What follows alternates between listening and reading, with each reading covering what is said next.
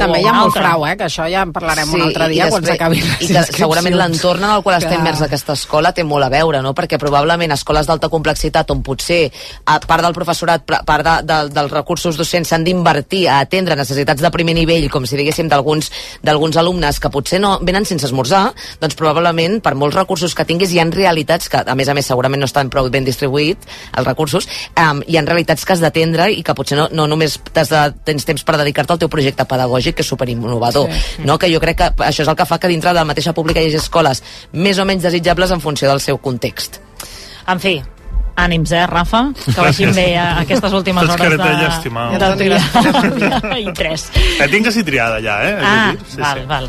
Per bona que sigui, sempre pensaràs que es podia haver fet millor. Sí, no, no hi ha escola perfecta. I després la vida dona moltes voltes, eh? També. Rafa Garrido, Maria Vila, Laura Aznar, Jordi Cabré, moltíssimes gràcies. Fins gràcies. la setmana que ve. Bona nit. Les 10 i un minut.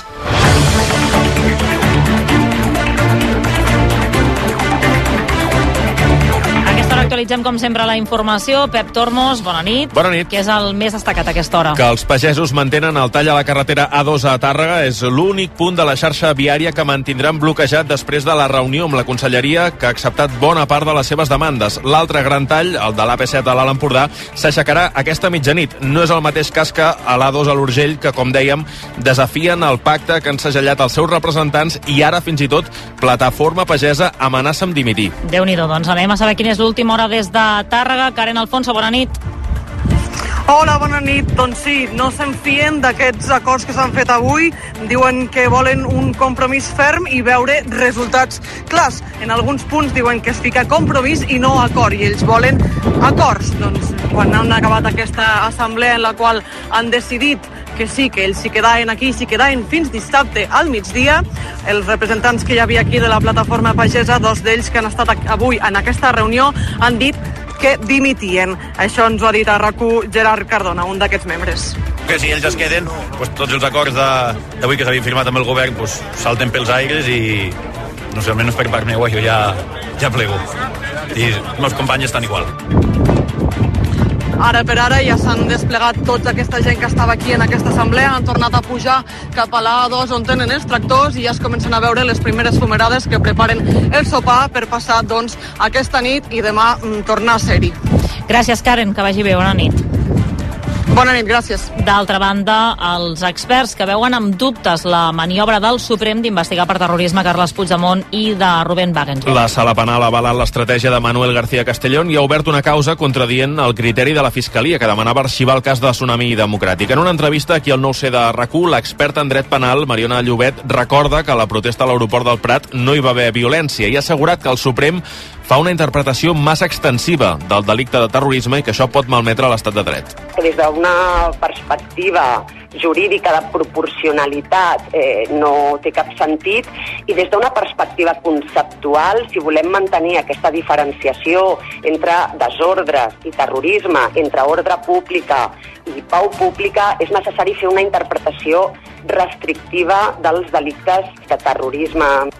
Tant Esquerra com Junts per Catalunya ja han criticat el moviment del Suprem, això quan dijous vinent, 7 de març, hi ha la Comissió de Justícia al Congrés per tirar endavant la llei d'amnistia. I d'altra banda, el jutge ha deixat en llibertat provisional 12 membres dels Casuals, la facció més violenta dels Boixos Nois. Els acusats, que estan investigats per organització criminal, entre molts altres delictes, han de pagar una fiança de 12.000 euros a cada un per poder-ne sortir. Entre ells hi ha el líder del grup, Ricardo Mateo, que porta 7 mesos tancat a Brians. L'instructor els ha reiterat, retirat el passaport i els hi prohibeix sortir de l'Estat. La investigació continua contra els casuals, seguidors ultres del Barça, oberta pels delictes d'organització criminal, extorsió, segrest, lesions, desordres públics contra la salut pública, tinença il·lícita d'armes i frau de fluid elèctric. Gràcies, Pep. Bona nit. Bona nit. Els esports, Aleix Pariser, bona nit. Hola, bona nit, Anna. Què fareu avui, el tu diràs? Doncs mira, és l'últim dijous del mes de febrer, tindrem públic a l'estudi, d'aquí a una estona estarà plena la tribuna d'aquest estudi de rac farem el gran concurs del Tu diràs amb molts premis i després tertúlia amb Joan Poquí, Maria Fernández Vidal i Anaïs Martí per repassar tota l'actualitat del Barça i pendents de la semifinal de Copa del Rei entre l'Atlètic de Bilbao i l'Atlètic de Madrid. De moment, 1 a 0 guanyen els bascos, per tant, en el global de l'eliminatòria 2 a 0 per l'Atlètic Club de Bilbao, que ara mateix seria el finalista de Copa. Apa. Doncs tot això i més, a partir de dos quarts d'onze, com sempre, el tu diràs. Gràcies, Aleix, bona nit, fins ara. Fins ara. I el temps amb l'Abel Carà. L'Abel, bona nit. Bona nit. Com estan aquestes pluges? Doncs mira, van arribant fa una hora deia que encara estaven a Aragó, on continuen tenint el gruix de precipitacions, però van arribant cap a, a les comarques de Ponent, cap al Segrià, també sectors de la Terra Alta, aniran avançant, arribaran també a l'Urgell, per tant, aquesta concentració de pagesos de Tàrrega, doncs segurament tard o d'hora els, hi acabarà, els hi arribarà també aquesta pluja, que en general no és important, no és forta, i al llarg de la nit anirà afectant moltes comarques, plogims, en molts casos de manera dispersa, menys probables a les comarques de Girona. Demà s'acabarà imposant el sol, malgrat que a primeres hores del dia, només a primeres hores, encara hi haurà alguns ruixats o algunes precipitacions febles a la costa central, prelitoral de les comarques de Barcelona. Ràpidament la pluja escamparà i com a molt a la tarda alguns ruixats, aquesta primera tarda de, de, del mes de març, alguns ruixats cap al Pirineu Occidental, cota neu de 1.400 metres. Matí de tramuntana forta cap a l'Alt Empordà, nord de l'Alt Empordà especialment, i també un matí ventós a les comarques de Tarragona, no tant però també cap al sud de les de Lleida, sud de les de Barcelona. La tramuntana a primeres hores de la tarda ràpidament anirà desapareixent. El mestral li costarà una mica més, però també anirà a la baixa durant la segona meitat del dia i al vespre també tendirà a acabar desapareixent. Gràcies, Abel. N'estarem pendents Molt bé. demà també de cara a aquest cap de setmana. Que vagi bé. Fins demà. Bona Fins nit. demà, bona nit. Les 10 i 6 minuts, una pausa i de seguida arriba el Marc Simón amb el seu efecte 2000. RAC 1 Estic venent casa meva i no me'n surto. Has provat amb Properfy? Una agència online amb tracte personalitzat i que no cobren comissions, sinó un preu fix que només pagues si venen. Apunta, properfy.es. Jo em vaig estalviar molts diners. Es van ocupar de tot el procés fins a l'escriptura i van defensar els meus interessos com a propietària. Properfy. Estalvien comissions i regala't il·lusions. Si busques l'emoció a la carretera, et mou una energia diferent i només et conformes amb un cotxe alemany, vine al teu nou concessionari Opel a Dimo Auto, a Molins de Rei i a l'Hospitalet de Llobregat. Entra a la nova era d'Opel. T'esperem a Dimo Auto, Molins de Rei i l'Hospitalet de Llobregat. www.dimoauto.com El meu pare no plora mai. I mira que amb els Jocs Olímpics hi va estar a punt. Però res, ni així. Ara, quan li vaig dir que amb el forn Miele podria veure el dauradet dels seus canalons des del mòbil, li van saltar les llàgrimes. Forns Miele amb càmera i sonda tèrmica integrada. Estrena l'ara a un preu especial als distribuïdors oficials o a la teva botiga Miele. Tot el que passa a rac dins i fora de la ràdio ho trobaràs a rac No ho sé, amb Anna Ballonesta. Les 10 i gairebé 8 minuts. Chica, ¿qué dices? Saoco, papi, saoco. Saoco, papi, saoco. Cuando pone perla en el collar, bien diferentes, ya no son perla uno. Simón, bona nit, Bona com nit, estàs? molt bé. Mireia Ardèvol, bona nit. Bona nit. Ai, que se'ns escapa el micro. El tenia molt lluny, ara me n'he donat que el estava tenia molt un lluny. lloc una mica desubicat. Què dius, Marc? Com estàs? Molt bé. Ha anat bé la setmana? Ha anat molt bé, sí. Has vist que nosaltres fa, fa uns quants dies que, que vam parlar de Taylor Swift i ara tothom està Ja, ja. a Marcat tope, tendència, eh? què vols? Es nota tant que escolten És Efecte que, clar, 2000. l'efecte 2000... Clar, què, què hi farem, no? Marca el camí de la resta. Marca tendència. Som trendsetters. A veure, avui de què, de què ens vens a parlar? De què ens vens a il·lustrar, Marc? Doncs avui us torno a parlar d'un dels temes que més m'agraden, que és la moda, i és que l'altre dia la revista Rolling Stone va publicar una de les seves famoses llistes on ordenen coses Sí. una mica la babalà, tipus les cançons més tristes de la història, foten una Mira, llista de l'altre 50 dia, cançons. uh, fa unes setmanes, amb el Jordi Garrigós vam fer els uh, 500 millors discos Sí, de la és història veritat. Em sembla tan fort. La Rolling Stones. Jo no entenc com ho fan, la veritat. Però O sigui, estan superbé aquestes llistes, A eh? mi m'encanten, jo sóc sí, tan fan però de les amb llistes. aquesta llista hi havia una mica de discrepància Bueno, perquè, clar, és el clar, ells es criteri. compren cap a casa seva Sí. i hi ha molts discos Clar, uh, clar. nord-americans Que no i en surten. canvi Ai, alguns... o sigui, els nord-americans sí que hi sí, surten en i els altres no alguns surten, sí. anglesos que són mítics i que, Mm. ui, eh, desapareixen Ens l'hem deixat. o estan a partir del 200. Clar, clar, no, és que no, no Ui, té sentit. una mica no sentit. sospitós, però vaja, sí, ens agraden, com a mínim ens agraden aquestes Ens llistes. encanten, Que ens m'agrada l'ordre. Vull Oi? dir, m'agrada les coses ordenades. A mi Llavors, m'encanta. quina i com llista em portes La llista és de les 25 persones, músiques, bueno, músics, que,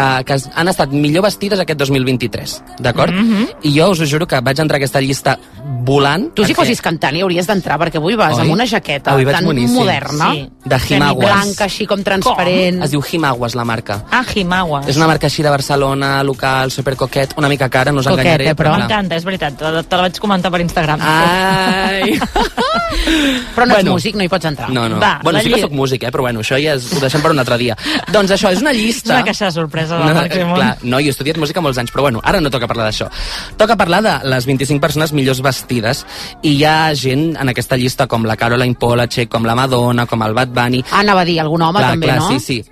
L'únic que jo avui us vinc a parlar del top 5 Mhm. d'aquesta llista i després d'això parlarem de la feina que hi ha darrere dels estilismes de les Sí. celebrities, perquè al final sembla que aquesta gent té el Sotrines, seu... mira, i no, tenen Que allà una persona que els hi va no? dient que s'han de posar. Correcte, correcte. Llavors és una llista que, que va fer gent molt famosa del món de la moda, com la Donatella Versace, com la Florence Tetier, com el Tommy Hilfiger, i, i bueno, que jo sempre havia pensat que aquestes llistes no sortia qui les feia, però vaig veure que sí que surt, i, i l'ha fet gent amb seny, i ja us dic que la primera classificada d'aquesta llista ens sorprendrà. Ah, Ho deixo aquí. la primera. O sigui, la que era primera. número u, la número millor u, vestida. La millor vestida. Però bueno, anem a pams, comencem amb el top 5, que és Yves Tumor.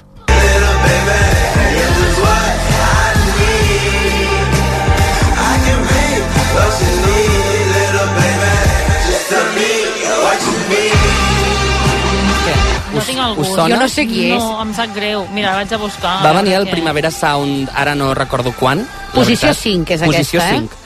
I a mi m'agrada molt que, que l'hagin posat perquè trobo que és una de les persones més eclèctiques del món de la música alternativa, sobretot actualment. Molt Té queer, eh, veig? És que ara sí, l'estem sí. buscant. És que és una persona no binària, Yves Ah. Tumor. Ens encanta. I té un disc que es diu Heaven to a Tortured Mind, que va estar molt aclamat per la crítica i on es, és on es troba la cançó que estem escoltant, que es diu Kerosene, que, que és, és d'aquests artistes Home, que... sorprenent, eh, l'outfit. És sorprenent, sí. si més no. Però m'agrada, m'agrada. Sí, sí, no, i la gent, sobretot la llista aquesta, l'aclama perquè diu que porta outfits que col·lisionen una mica el que s'entendria per un outfit d'un home convencional i d'una dona convencional, doncs barreja una Els va mica barrejant, molt aquestes dues Ho coses. podem, creus que ho podem definir una mica, explicar? Perquè això a la ràdio és difícil. Si la gent no Sí. sap qui és... Per exemple, hi ha aquí una fotografia, no? Aquesta Mireia que porta com una jaqueta d'aquestes texanes Ampla, de, no? de tota la vida, però la, la texana, però al coll hi porta com un coll d'aquests de pell eh, Sí. tenyit de Amb color pèls vermell. vermell, sí. O Sí. també porta, no ho sé, eh, armilles, Sí, eh, però que s'ha tallat les mànigues i porta tot de tatxes i aleshores porta unes mitges a conjunt Sí, amb uns també està guants. guai perquè ensenya molt el seu calçotets cos. de pell o per fora. Correcte, o sigui, jo, jo crec que juga molt com amb les Molt formes ajustada, també. també. Sí, correcte, correcte. I, i Ah, res, gent que busqui les imatges. Exacte, tu. I hi ha gent que sabrà qui és Yves Tumor, també us ho dic. O Home, sigui esperem que sí. Esperem que sí. Esperem que Bueno, sigui una mica moment- més cultes que nosaltres, Sí. Mireia. No, home, no. De moment una que no coneixem. No, A veure si que aquesta persona, alguna. aquesta persona és, és bastant niche, no us enganyo. I m'agrada, de fet, que hi sigui niche, de, de nínxol, Mhm. perquè trobo que... No he pres una altra cosa, veus? Bueno, anem a la quarta, per. Va, perquè la vinga, quarta sí. m'encanta, perquè és una persona que viu a Barcelona. Ep. Ep, I que Ai, que la el seu estil és molt inspirat, diu ella, en la ciutat de Barcelona, que és ni, menys, ni, me, ni més ni menys que l'Arca.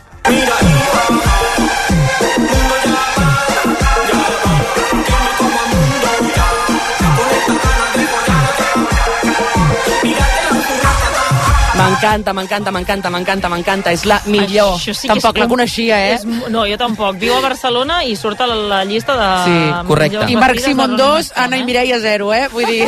No, però Eh, l'Arca és, és em una... costa molt de definir. No, ara us la defineixo, Ah, jo la val, sé definir perfectament. Eh, és una persona que, que és nascuda a Venezuela, però porta molt de temps vivint aquí a Barcelona, i de fet ve al Primavera Sound, per mi és del top 3 de, del Primavera Sound d'aquest any, apunteu-la perquè va. és un concert que valdrà molt la pena, i juga amb elements que són propis de la seva música, no? Vull dir, com podeu escoltar, la seva música és una mica de sons estranys, robòtics, molt metàl·lics, i ella també agafa molta part d'aquesta robotització en la seva estètica.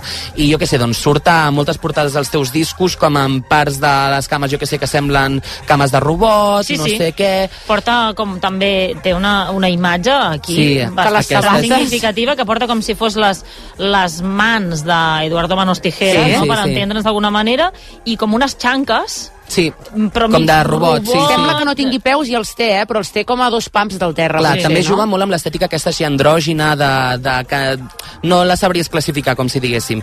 I a mi m'encanta i també m'agrada perquè juga molt amb l'estètica de, de, de marques de moda molt establertes i va ser model per Mugler, per exemple, per tant, juga una mica amb aquesta ambivalència i és, és molt guai.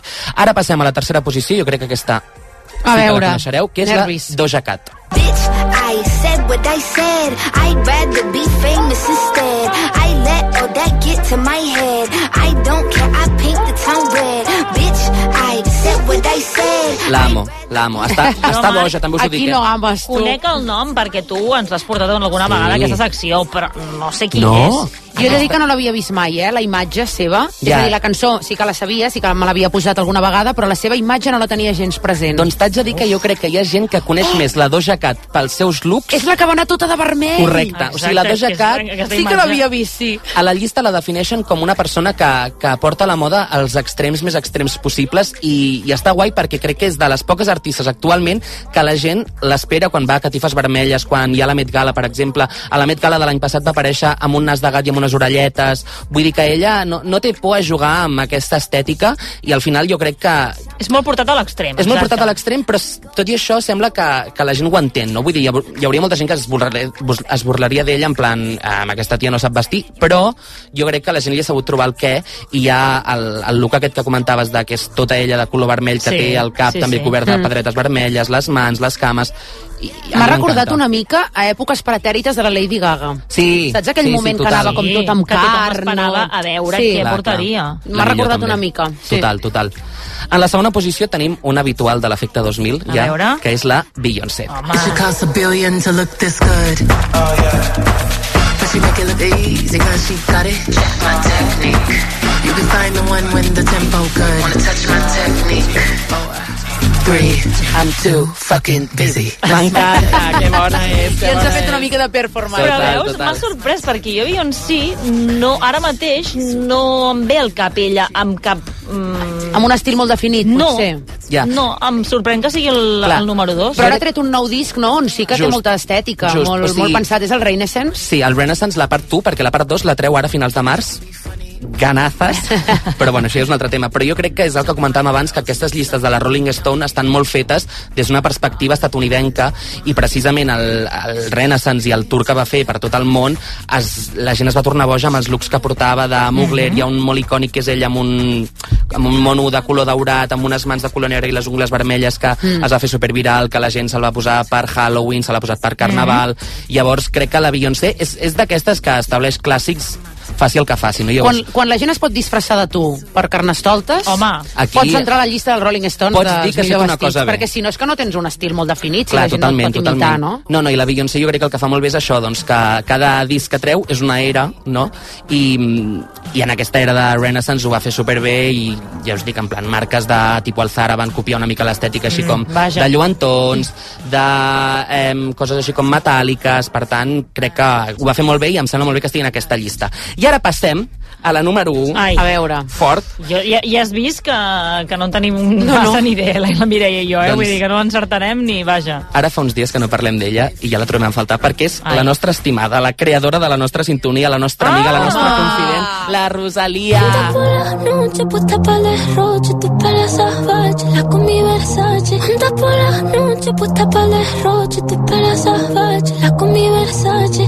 Que fue, que fue, que fue. No sabeu a mi com de feliç em fa veure la Rosalia a la primera posició. Jo em sento com si fos gairebé una amiga meva. jo con la Rosalia. mi Perquè és la catalana. A mi em sorprèn, eh? Sí.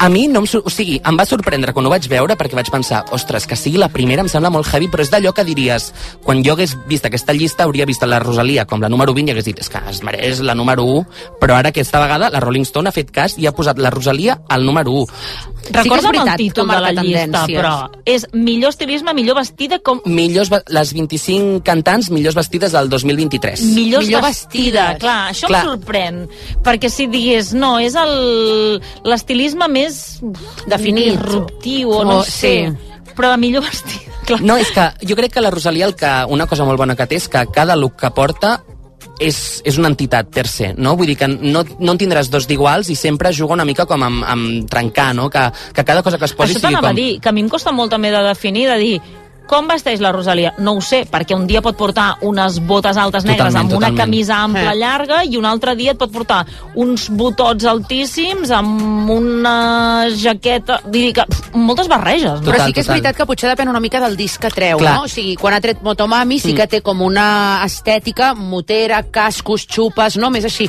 Quan va treure el Malquerer potser era més, Més aflamencau. més aflamencat, no? Com Total, més, no total. sé si depèn una mica del disc que treu i està com en aquella era, no És sé. que és precisament això. O sigui, és clavadíssimament això, perquè de fet a la ressenya diuen la Rosalia no ha de demostrar res, ella simplement fa i les tendències la segueixen. I és exactament així, perquè jo crec que és això que dèiem, no? que cada publicació que fa Instagram és, és una entitat com a tal. I és una mica el tema del que volem parlar avui, perquè l'estil de la Rosalia, tot i que és molt seu, no existiria si no fos per la seva estilista, que també és la seva germana, que Sí. és la Pili, Sí. que, que el que fa és que, que cada look que porti sigui completament icònic i, i a mi m'encanta. I, és, I és que el, el que passa és que moltes celebritats, és el que comentàvem abans, no? que sembla que tinguin aquest estil, que es llevin i que es posin al primer que es troben, però realment no Està és així. tot que hi ha, pensat. està tot pensadíssim, hi ha un equip enorme darrere i el que el que fan les estilistes és que les celebritats puguin lluir al màxim de bé i que s'adaptin Mhm. a les tendències. I el que ha fet molt bé la Rosalia és que s'ha anticipat a la tendència. I és el que dèiem amb Motomami, no? Que quan, Quan les va... marques et copien, és que tu ets Correcte, va per davant. correcte, correcte, però és que ja no és només que, mira, em, em poso una jaqueta de motera, sinó que hem tingut marques com Zara, com Sí. sí. Bershka, com H&M, que han fet col·leccions inspirades en l'estil biker, aquest que comentàvem, i mira que ja fa 3 anys que la Rosalia va treure Motomami. I Pull&Bear tenia, crec que era Pull&Bear, la línia Rosalia. Sí, però aquesta va ser del Malquerer, no va No, ser Motomami. d'abans. Però igualment, que també això va ser molt fort, però veus, Clar, el clar. de Pull&Bear va ser més la Rosalia fent un disc i una marca s'hi adapta. En canvi, ella va treure una estètica i a més enllà del disc, vull dir, el merch que han tret a Zara no posava Rosalia, sinó que és una jaqueta motera. Però Ja. la gent pot dir, això és Ah, ho Rosalia. relaciona. Sabeu? I, i, És al i. Marc, et volia fer una pregunta. Realment és la seva germana, la Pili, qui l'assessora amb això? O té un equip Sí. que el dirigeix la seva germana, que sempre l'acompanya a tot arreu? Clar, depèn una mica de, del que es faci, no? Si està fent un videoclip, doncs tindrà un equip que estarà Mhm. fent aquell videoclip que l'ajudarà amb els estilismes, però en general sí que diu que la seva germana és una mica la seva mà dreta pel que fa a l'estil, ja no només seu de, de roba de, del que es posa, sinó també del llenguatge que fa servir a xarxes,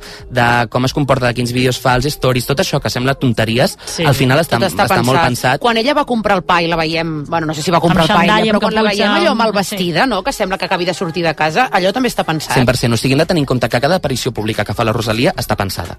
Està claríssim, perquè si no, o sigui, costa molt trobar una celebritat pel carrer que vulgui passar desapercebuda, perquè probablement hagi passat desapercebuda en altres ocasions i no ho sapiguem. Vull dir, potser algun dia ens l'hem creuat per Barcelona i no ho sabem, perquè Home, anava no molt... diguis això. Ah, Jo espero que no, perquè em moriria personalment, però bueno.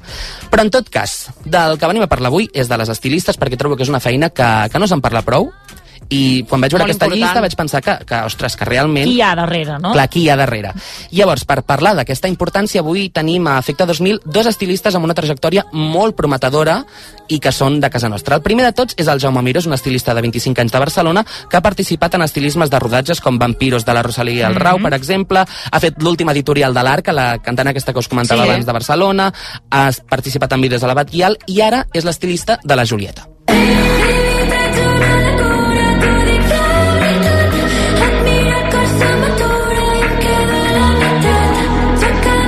personalment, m'agrada molt la Julieta, ho fa superbé, i crec que un dels seus punts forts són els seus estilismes. És veritat, sí, sí. Perquè és la Britney Spears del segle XXI. Totalment. I jo crec que... aquesta estètica. La Julieta té una imatge molt marcada i és, o sigui, és igual que la Julieta t'estigui cantant els Premis Gaudí, que estigui fent una Gallery Sessions, que pots veure que els dos conjunts que porti Sí. veuen del mateix lloc. Sí, sí, sí, I això és una cosa que ha fet molt el, el Jaume i ho vam comentar quan, quan vam parlar i el vaig entrevistar i porta doncs, aquesta estètica així com molt airosa, gairebé com de fada i per això jo crec que la Julieta s'està posicionant molt al capdavant de la indústria catalana. I en Jaume va explicar una mica com es va conèixer amb la Julieta.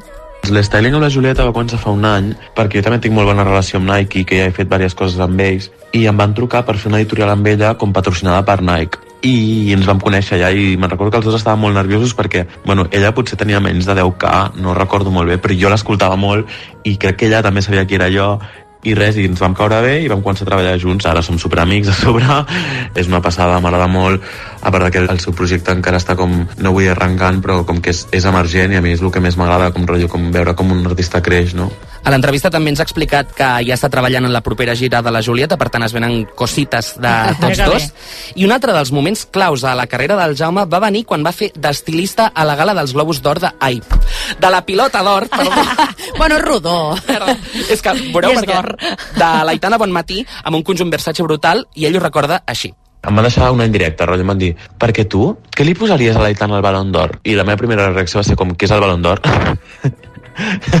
o sigui, perquè no em pot quedar més lluny al món del futbol. I llavors vaig com estar parlant amb ella, em va dir que necessito algú que m'ajudi amb això, i bueno, va, doncs vam estar com res, va ser una conversa de 5 minuts, rotllo, què et sembla, rotllo tirar amb color negre, potser, com per anar elegant, però tampoc no et vull disfressar, vull que siguis tu mateixa, vull que tal, i ella em va dir, sí, sí, sisplau, en rotllo, jo vull que tot sigui com natural, I aquí jo trobo que el Jaume descriu molt bé què vol dir ser estilista, no? Vull dir que troba un punt mig entre destacar i tenir glamour, perquè Sí. al final estàs anant una catifa vermella i toca posar-se un look que, que sigui un statement, com si diguéssim, però alhora has d'aconseguir que la persona que estàs vestint se senti còmoda. Que no vagi disfressat. No, i Exacte. que ell, recordem que no l'havia vist gaire, l'Aitana. Clar, clar, Vull dir clar. que no és molt del món del futbol. No, no, era preciós estilista. aquest vestit, realment. Totalment. I llavors jo crec que l'estilisme ja no és només escollir la roba a algú, sinó que la roba que el porti també vagi d'acord amb la imatge de la persona que, de la que estem parlant i la, de la persona que estigui lluint-la, no? Però bueno, no només vam entrevistar el Jaume, sinó que també vam entrevistar a la Berta Permanyer. Ella té 20 anys, també és de Barcelona, i és, us ho juro, un sol de persona, igual que el Jaume. El- Els dos són encantadoríssims, i ella ha participat com a estilista per la Zoe, pel Late i pel Recycle J, i ara, si parlem de la Julieta, doncs ella és l'estilista de la Muixca. Ah. Baby, estás bonica toda la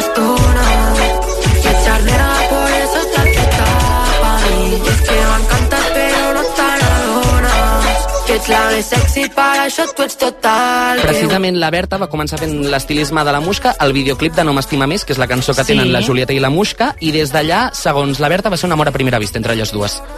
Va ser un clic automàtic entre les dues, hi havia molt, molt bon feeling i a partir d'allà va sortir tot molt sol, una altra vegada em va, em va tornar a parlar, llavors li vaig tornar a fer un altre estilisme i a partir d'allà no només ens vam fer amigues, sinó que ens entenem moltíssim, jo et diria realment que és la millor persona amb la que he treballat a la meva vida. Ens entenem amb tot perquè no s'allunya molt el meu estil del seu i cada vegada venen coses més xules, I aquí també veiem com de properes han de ser les estilistes de, de les cantants en aquest cas, no? perquè al final la Musca s'hi va a fer una gallery sessions, l'estilista va amb ella, s'hi va a gravar un videoclip, Mhm. l'estilista va amb ella. I crec que està molt guai, i comenta la Berta, que tenen un estil molt similar les dues, doncs de que vagin d'acord, no? que l'estilisme al final no és una feina que tu vas, fas les teves hores i marxes, sinó que has de conviure amb l'artista, has de saber què vol, què no vol, amb què se sent còmode, I la Musca, no... encara que sembli que no, té estil. Clar, Abans té ho comentàvem aquí fora. Hi havia gent sí, que deia, hosti, té, té estil, la Musca sí que en té. En té, és aquest en té. estil així com més skater. Completament, i és un estil que costa de trobar i que no tothom té i que trobo que precisament la Musca el fa superbé